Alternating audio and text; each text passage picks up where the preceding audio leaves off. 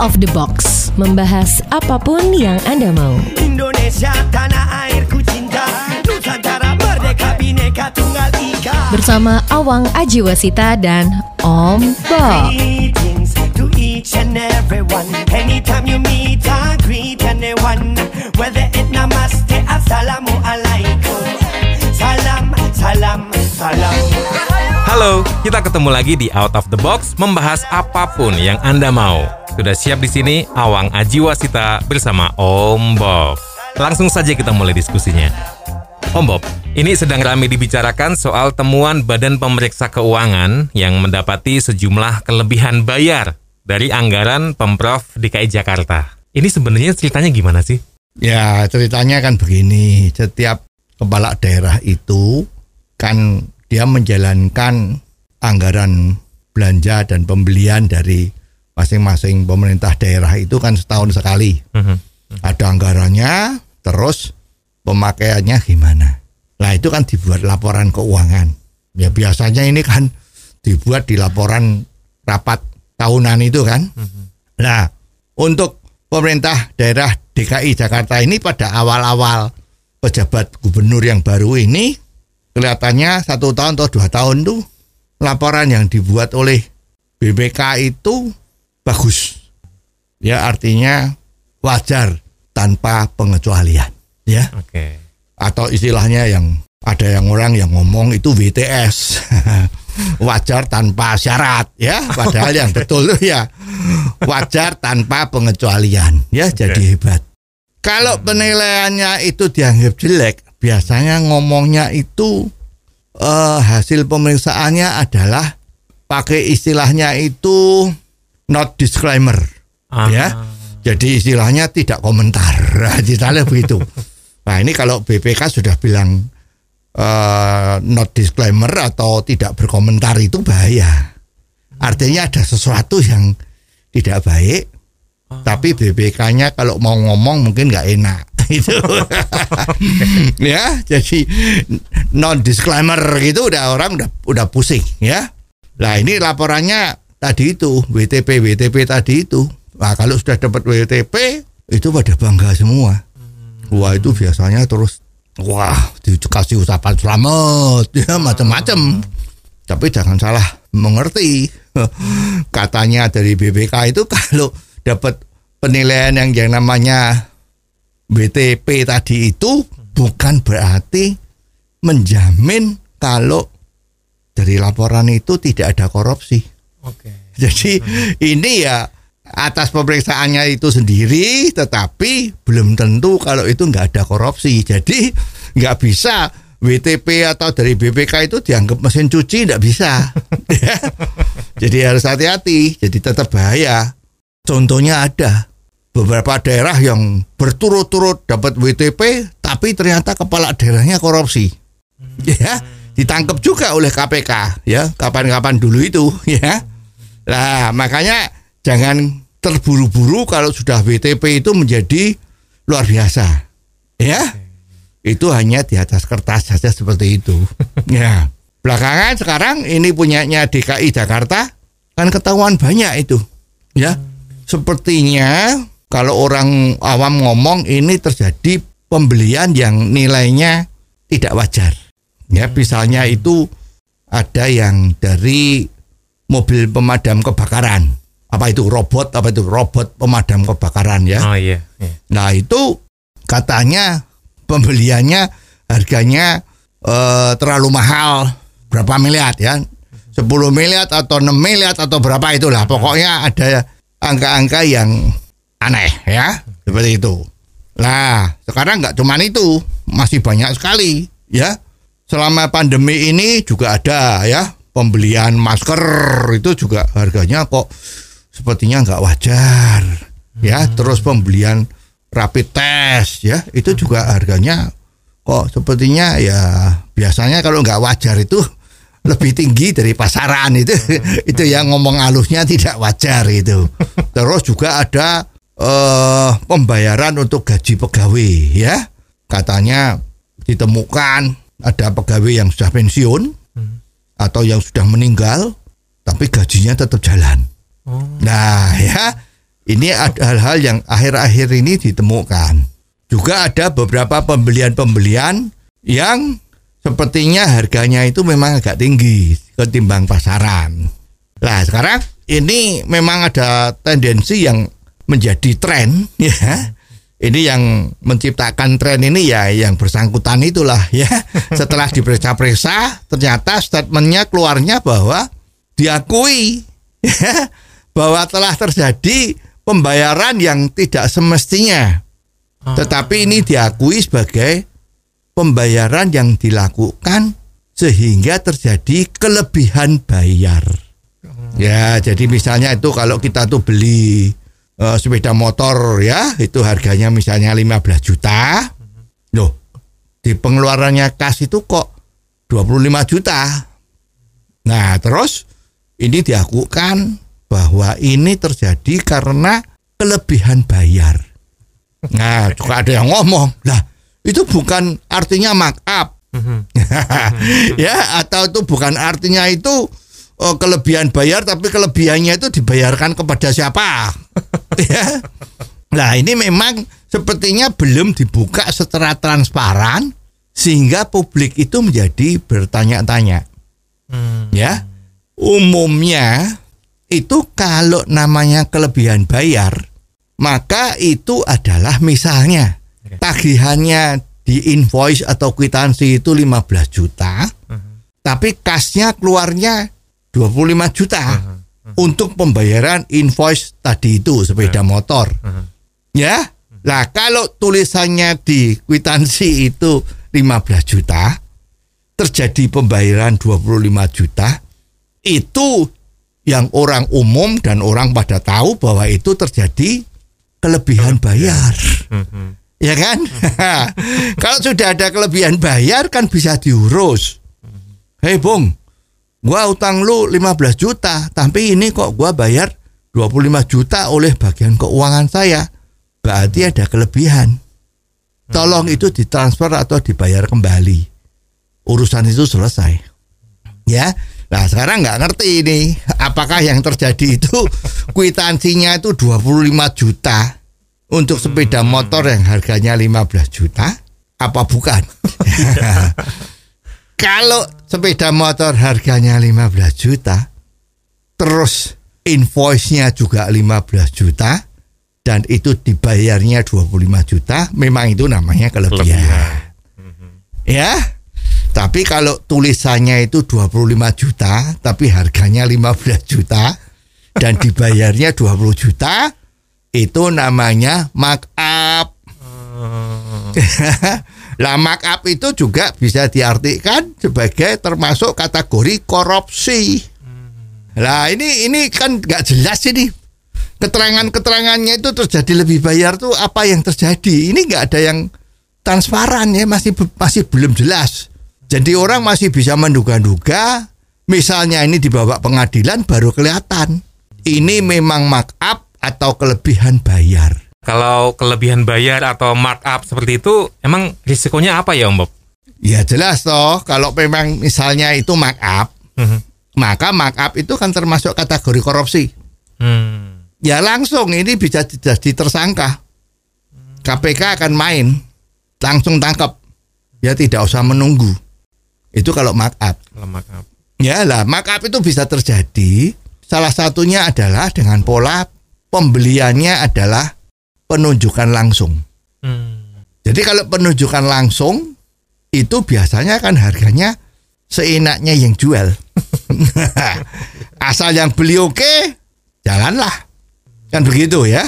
Tetapi kan ini sudah ada rambu-rambunya bahwa untuk pembelian barang dengan harga di atas berapa itu artinya berapa tuh nilai rupiahnya ya itu harus melalui lelang. Oke. Nah itu kan sudah menurut teori udah aman kan. Tapi ini juga banyak trik-trik trik-triknya.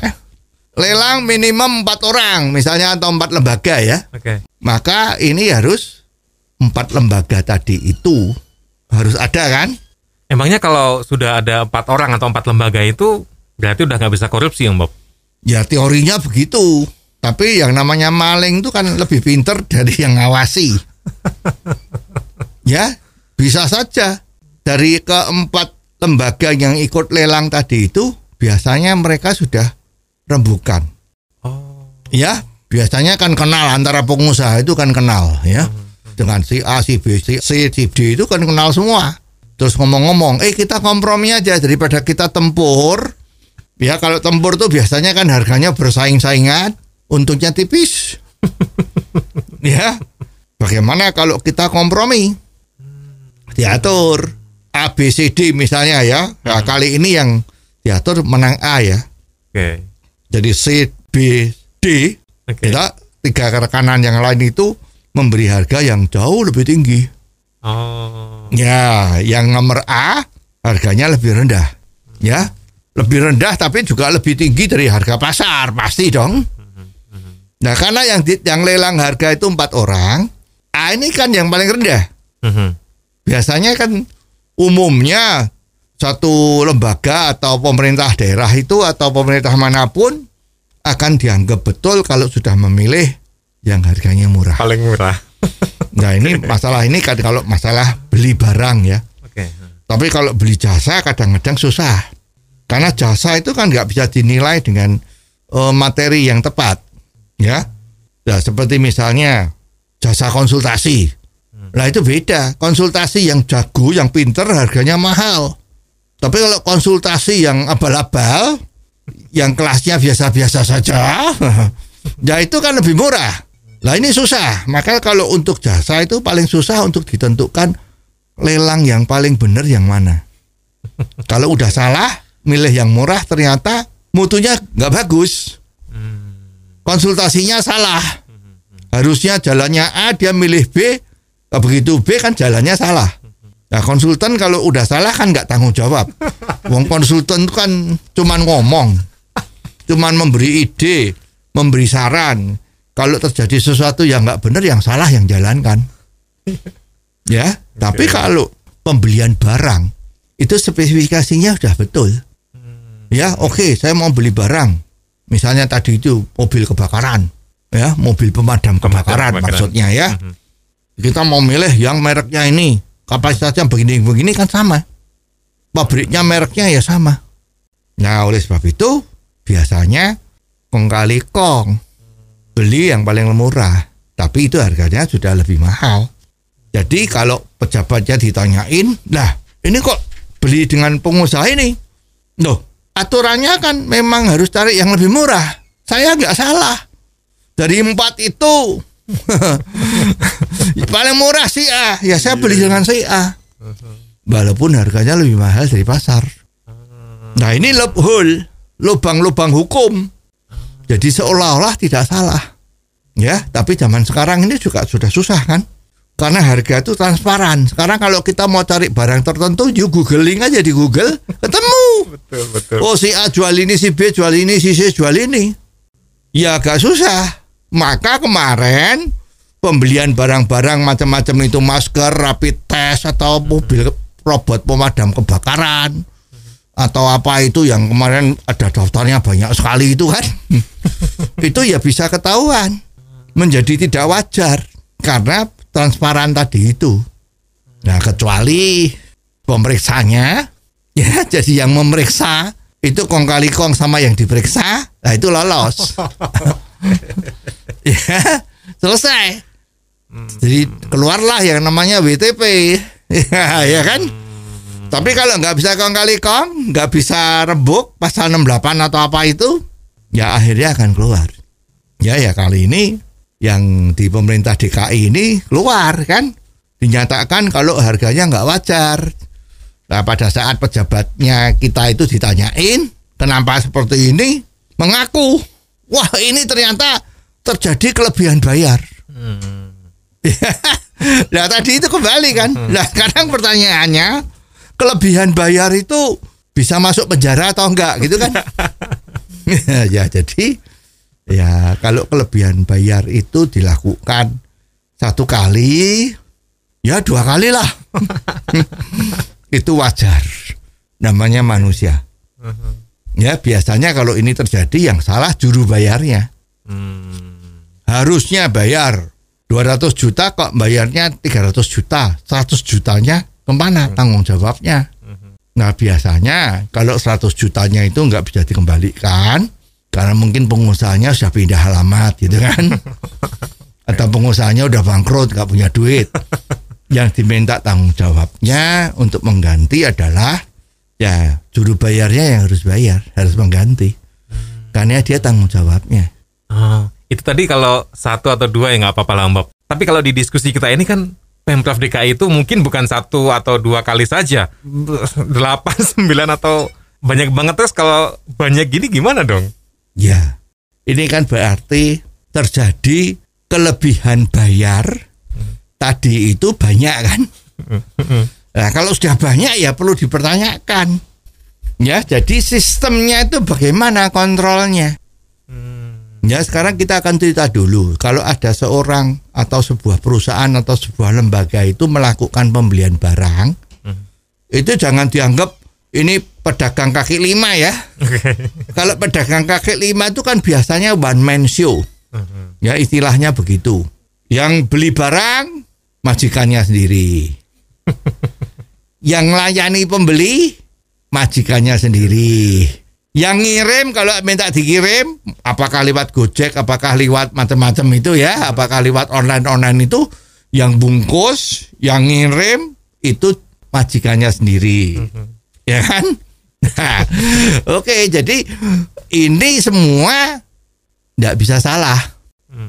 Jadi kalau lembaganya udah besar seperti pemerintah daerah provinsi ibu kota ini, itu kan lembaga gede itu anggaran anggaran belanjanya itu kan setahun itu kan 70 atau 80 triliun kan. Itu angka yang besar sekali. Nah, kalau pengelolaannya one man show seperti tadi pedagang kaki lima itu yang nggak beres-beres, maka diperlukan satu sistem kan. Nah, sistem ini kan pasti ada yang namanya bagian purchasing Oke. bagian pembelian. Ya pada saat sudah ada bagian pembelian, karena ada sistemnya. Kalau mau beli barang itu pakai lelang macam-macam itu kan, bisa ada penunjukan langsung. Kalau memang mendesak macam-macam itu sudah diatur bagus sama pemerintah. Oke, bagian pembelian sudah selesai. Begitu barang udah dibeli, barang datang kan? Betul. Barang datang sudah ada sistem orang yang memeriksa apakah pesanan barang ini datangnya itu sesuai dengan pesanan. Betul, Berarti bagian penerimaan barang itu sudah punya spesifikasinya dari bagian pembelian. Maka itu kalau di perusahaan atau lembaga yang gede itu kan semua administrasi itu kan perangkapnya banyak. Nah sekarang kalau sudah modern ini kan online. Ya tinggal dijebret lihat komputer layar komputernya apa bagian penerimaan barang udah tahu barang yang datang ini sama dengan itu apa enggak. Diperiksa dulu kan. Nah kalau udah diperiksa pasti sistemnya itu adalah barang ini rusak atau tidak. Ya kalau rusak return minta ditukar yang baik macam-macam. Ya ini tanggung jawabnya yang terima. Oke. Nah kalau barang udah terima dengan betul dari bagian penerimaan tuh biasa ekspedisi dikirim ke bagian gudang kan. Betul. Bagian gudang idem tito udah punya eh, rangkepan tadi itu lihat barangnya betul enggak. Kalau dikirimnya lima, datangnya lima apa enggak? Masuk gudang saya lima atau tidak? Karena kalau kurang yang tanggung jawab pimpinan gudang tadi itu selesai. Ya, kalau udah masuk di gudang, what's next ya? Nah ini kan masuknya ke bagian keuangan. Jadi barang udah datang, tanda terimanya sudah ada, penerimaan barang itu memberi kabar pakai juga tertulis atau bisa lewat komputer, lewat online kepada bagian keuangan. Bagian keuangan ada accounting juga kan? Nah, ada kasir, ada accounting. Betul. Nah, setelah diterima dari bagian accounting dicatat. Hari ini kita terima barang harus dibayar kapan? Apakah 30 hari, 60 hari? Oke. Kalau yang nekat-nekat ya 60 hari atau 6 bulan gitu kan. ya, dicatat barangnya apa, notanya ditinggal di sana dan dia punya catatan bahwa kita masih punya hutang kepada siapa, bayar besarnya berapa. Itu ada dokumennya, invoice-nya sudah ada belum? Kalau belum ada invoice, belum ditagih. Jadi ini baru berita acara penerimaan barang. Accounting udah tahu ada barang ini. Berapa ini kok belum ada invoice-nya? Nah, lapor bagian pembelian. Ini invoice-nya belum datang. Nah, invoice-nya udah datang sama dengan barangnya macam-macam diperiksa. Dicatat utangnya 15 juta. Ya kan? Sesuai ya. Lah, sekarang kalau ada penagihan, ya kan? Biasanya dibuatlah yang namanya voucher.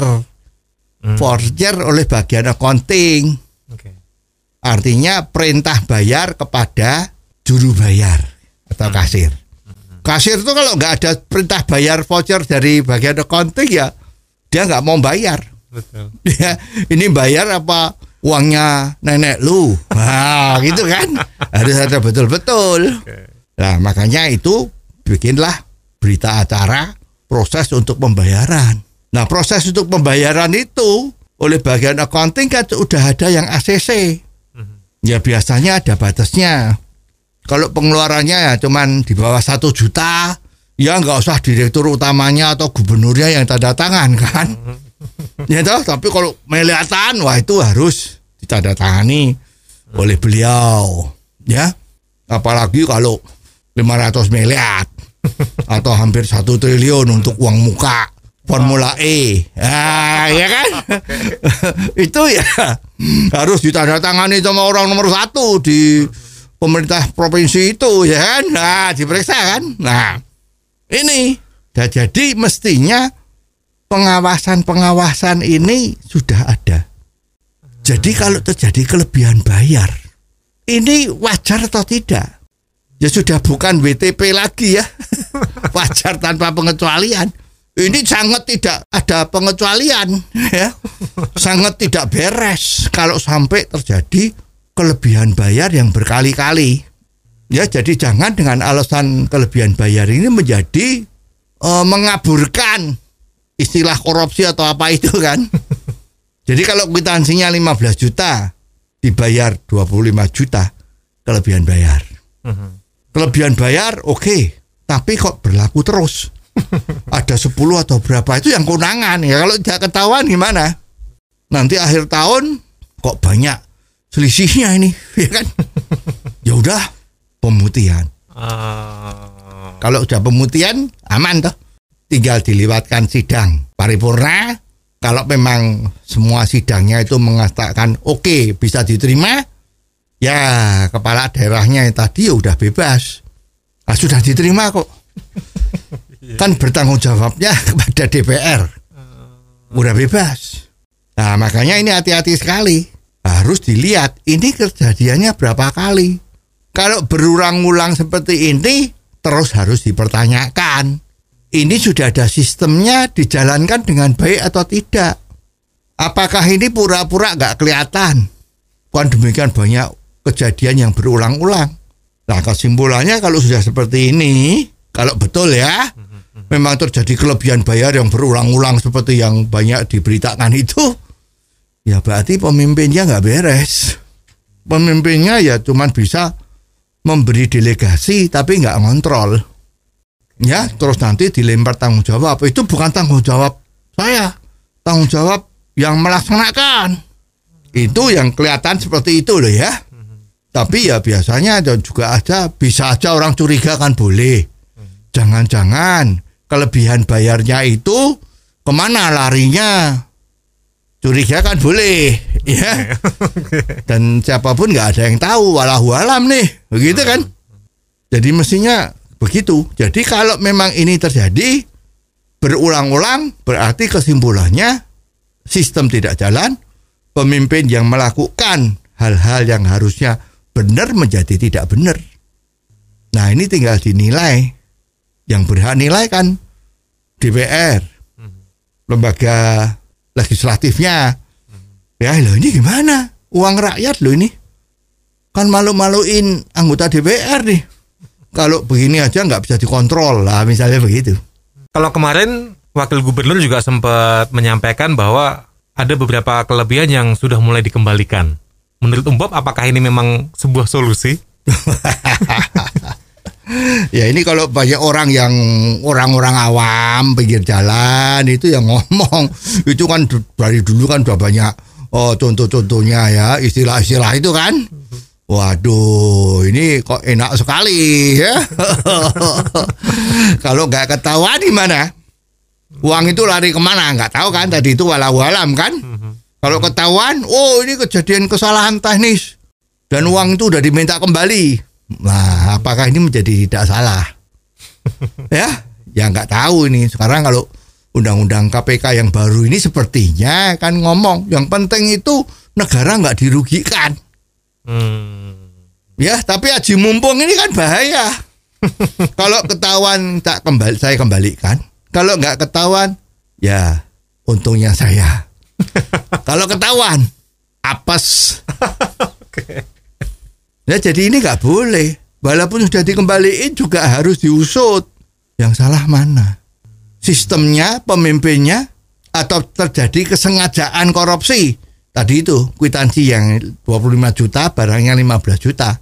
Hmm. Bukan kwitansinya 15 juta, bayarnya 25 juta. Itu kan bisa ada permainan. Wah ini kelebihan bayar nih. Ya udah. Ya kalau pejabat yang memeriksa itu bisa jadi rundingan. Ya udah ini ada kelebihan 10 juta deh. 5 juta ada ya. 5 juta 5 juta. Ah kalau pejabatnya nggak ada integritasnya, pejabat yang memeriksa tadi itu ya bobol lah uang rakyat itu. Ya jadi hati-hati sekali masalah ini. Oke, nah yang juga ramai dibicarakan adalah adanya anggaran yang cukup besar untuk Formula E. Menurut Om Bob gimana ini? Ya Formula E itu kan memang ini cerita-ceritanya itu kan memang sudah dibayar. Hmm. Ya kalau nggak salah sudah dibayar 600 miliar atau berapa itu sebagai uang muka. Nah orang-orang sebagai promotor di luar negeri itu kan ya pinter-pinter ya. ya jadi oke ini bisa tetapi bayar dulu nih uang mukanya 600 miliar gitu. Dan sepertinya ini pembayaran ini sepertinya sudah disetujui oleh lembaga legislatif kalau nggak salah sudah disetujui. Jadi yang mengeluarkan uang ini juga susah dikatakan salah. Karena udah disetujui kok. Nah kalau udah disetujui yang salah siapa? Nah susah kan kita ngomong. Harus masuk pengadilan nih. Tapi memang dalam situasi seperti ini dulu kalau kita ingat tuh Formula E itu apa yang terjadi? Ya, sekitar lapangan Monas yang mau dibuat arena balap Formula E tadi jalannya dibikin betul, diaspalin apa, dipakai apa gitu. Pohon-pohon mahoni yang umurnya udah gede-gede, katanya kita cinta lingkungan, itu ditebangi semua. Malam-malam lagi nebangnya ya. Nah ini gimana? Nah nah, sekarang ini ribut nih, bisa dikembaliin nggak? Nah tergantung perjanjiannya, perjanjiannya gimana? Kalau perjanjiannya uang kalau dibatalkan tidak bisa kembali ya promotornya nggak salah. Uang yang dibayar uang muka tadi itu kepada promotor jangan-jangan sudah habis. Ya nggak tahu ke mana lah dibagi atau dibuat bayar apa gitu.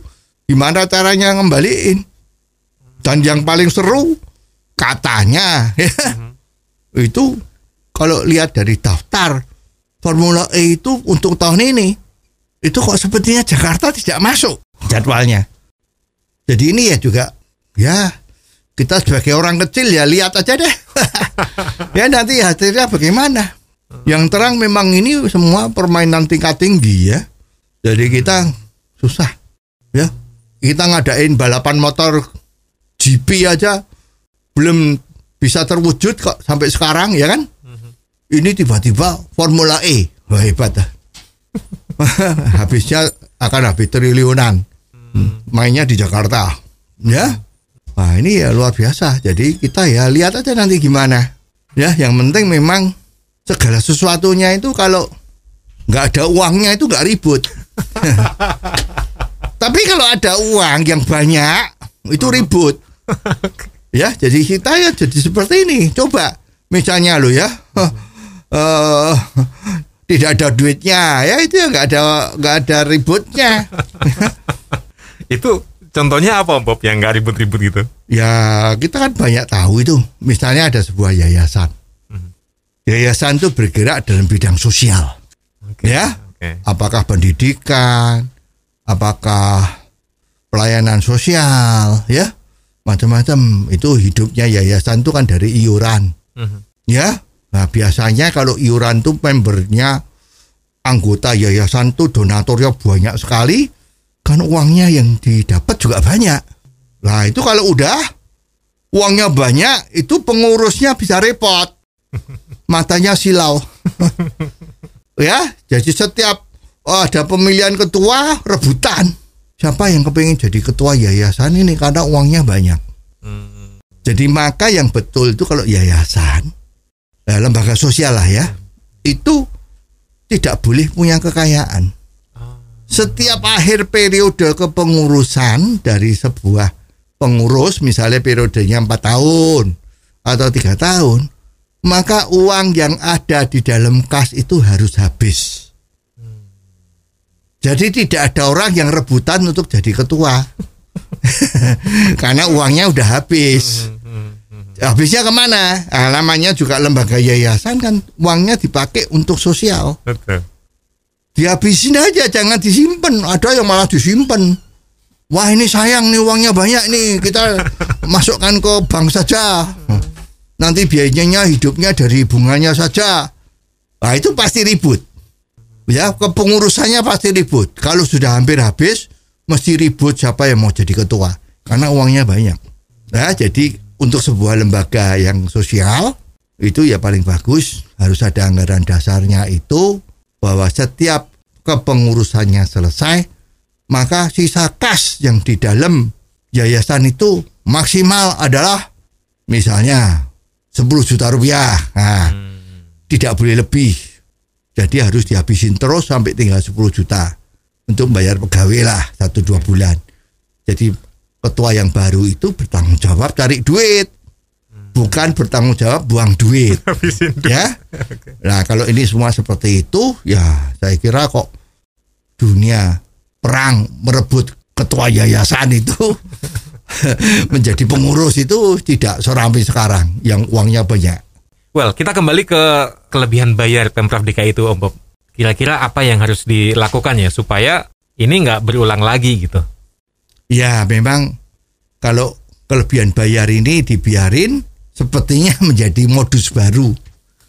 ya, di mana-mana nanti bisa jadi contoh.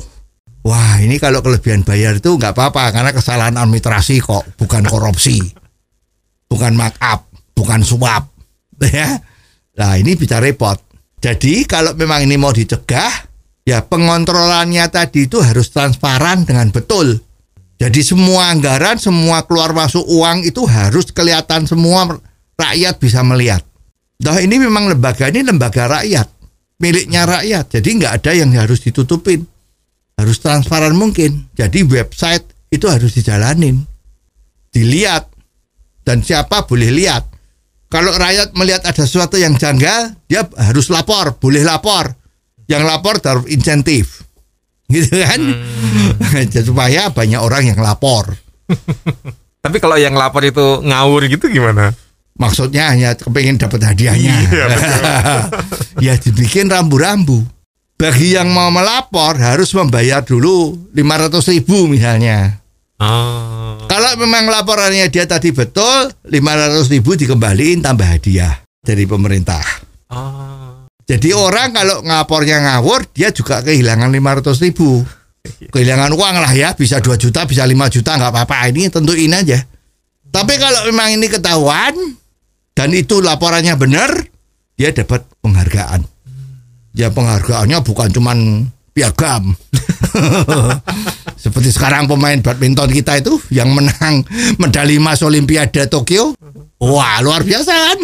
Dapat apartemen dapat oh logam mulia 3 kilo. Ya nah, itu penghargaan betul. Ini juga begitu. Sekarang yang berprestasi melaporkan dan itu betul laporannya ada penyelewengan itu dapat hadiah gede juga jadi ini akan menjadi baik. Ya kita nggak usah mungkir lah ya. Tidak perlu dipungkiri dan tidak perlu malu. Hadiah yang gede secara materi itu ya disenangi banyak orang saya juga senang kalau dikasih hadiah. Ya tapi kalau piagam ya senang juga. Tapi lebih senang kalau dikasih hadiah besar. Oh ya toh? itu apa? Logam mulia 3 kilo. Wah luar biasa. Ya jadi sebetulnya ciptakanlah yang transparan, lindungi saksi yang lapor. Kalau betul hadiahnya besar, untuk tidak menjadi bahan spekulasi, maka yang lapor harus berani memberi jaminan. Kalau sampai dia laporannya nggak betul, dia yang harus menanggung biaya pemeriksaannya gitu kan. Wah, saya kira ini akan bagus sekali. Jangan-jangan ini menjadi nomor satu di dunia ya. itu kan bangga kita kalau apa-apa jadi nomor satu ya.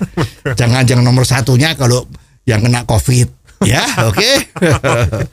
Dan sekian episode kali ini. Terima kasih atas kebersamaannya. Jangan lupa kalau Anda punya komentar, silakan dikirim melalui WhatsApp ke 0878 55907788. Jangan Anda lewatkan out of the box versi singkat atau pendek dalam program Underline yang setiap hari disiarkan di radio kesayangan Anda ini. Ikuti juga YouTube channel Om Bob Indonesia. Sampai ketemu di episode selanjutnya, Awang Ajiwasita bersama Om Bob. Tentunya di Out of the Box membahas apa pun yang Anda mau. Out of the Box membahas apa pun yang Anda mau.